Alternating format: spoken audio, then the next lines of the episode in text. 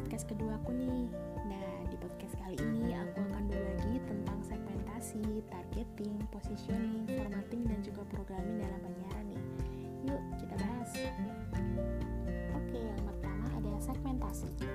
Melihat tingkat persaingan antara radio dan televisi saat ini, serta melihat kemampuan perusahaan yang tidak akan mampu melayani semua pasar secara keseluruhan, maka diperlukan strategi untuk membidik audiens dengan lebih spesifik, yaitu dengan menempatkan program acara sesuai dengan segmen pendengar yang telah dibedakan, diseleksi, kemudian terpilih segmen pendengar yang menarik.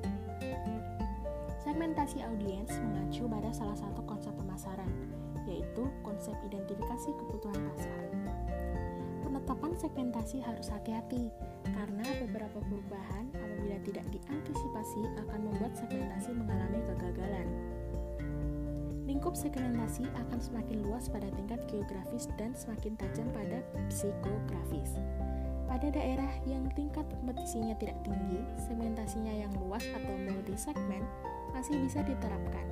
Tetapi untuk daerah yang tinggi tingkat kompetisinya, maka segmentasi akan semakin tajam.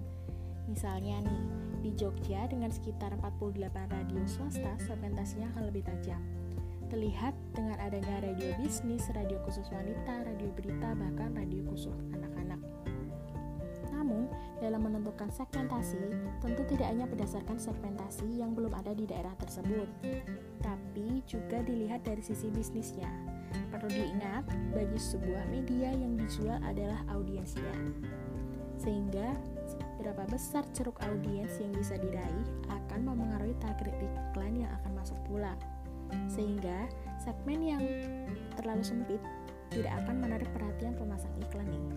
Sebagai contohnya adalah dalam media cetak yang diujukan untuk segmen kalian penghobi seperti penghobi otomotif, tabloid dan majalah yang ditujukan pada para penggemar otomotif seperti otomotif, Auto Plus dan Auto Trend jelas ditunjukkan pada para penghobi tingkat berat yang memiliki hobi di bidang otomotif nih kita lanjut ada targeting.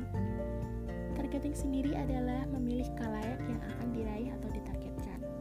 Dari segmentasi yang ada, kemudian ditetapkan target audiens yang disasar itu dengan lebih fokus. Misalnya, menurut segmentasi berdasarkan geografis daerah istimewa Yogyakarta terdiri dari lima daerah tingkat dua, tapi target yang disasarnya hanya difokuskan di dua dan di dua saja. Begitu pula dengan segmentasi yang lain, ada fokus yang lebih tajam untuk target audiensnya. Oke, kita lanjut ada positioning. Konsep positioning sendiri adalah sebuah proses atau upaya untuk menempatkan suatu produk, merek, perusahaan, individu, atau apa saja dalam alam pikiran mereka yang dianggap sebagai sasaran atau konsumennya. Sedangkan radio positioning sendiri adalah sebuah sikap untuk menyatakan diri dari sebuah radio station terhadap kalayak pendengar bahwa radio tersebut mengkhususkan diri hanya pada format dan segmen kalayak pendengar sasarannya atau target audience. Di positioning radio dilakukan dengan beberapa cara. Yang pertama ada slogan. Slogan sendiri adalah pesan-pesan yang mudah menanamkan prospek filosofis dasar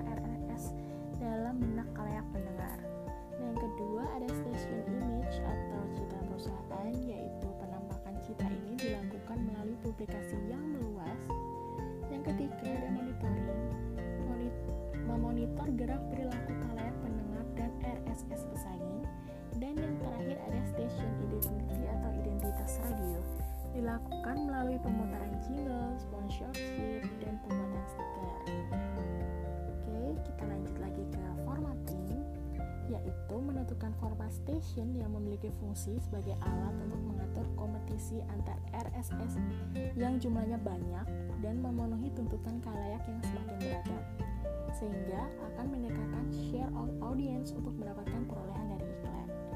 Nah, formatting sendiri memiliki beberapa pertimbangan untuk menentukan sebuah format seperti monitoring media pesaing, lalu memformulasikan dengan kultur yang ada, disesuaikan dengan segmentasi yang telah dilaksanakan, acara unggulan atau highlight berdasarkan tren yang ada di masyarakat, pola siklus waktu tertentu, kemampuan dan sumber daya yang dimiliki media, kegiatan promosi yang dilaksanakan, air personality, dan juga yang terakhir ada penyusunan program.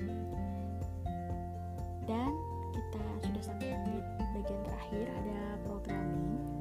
Programming sendiri dalam kegiatan programming yang penting adalah tujuan dari programming yang disusun. Penyiaran radio target yang spesifik. Di Indonesia, kita bisa menjumpai radio yang memiliki segmentasi anak muda seperti Radio Pambos dan kaum eksekutif dan berbisnis seperti Radio Sindutrijaya yang memiliki jaringan radio nasional dan di tingkat lokal Segmentasi radio semakin spesifik seperti radio CJD di Yogyakarta yang khusus memutar lagu campur sari dan dangdut.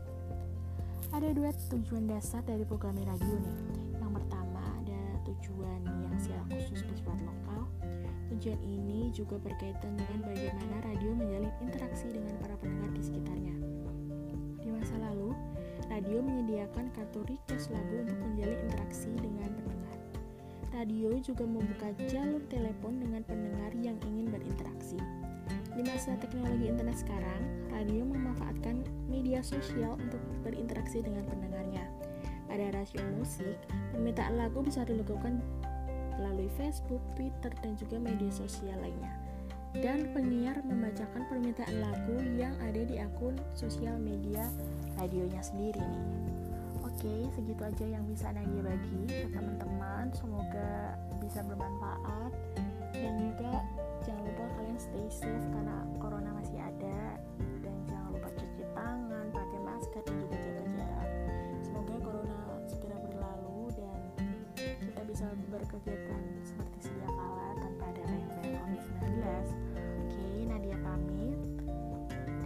jumpa di podcast berikutnya. Wassalamualaikum warahmatullahi wabarakatuh.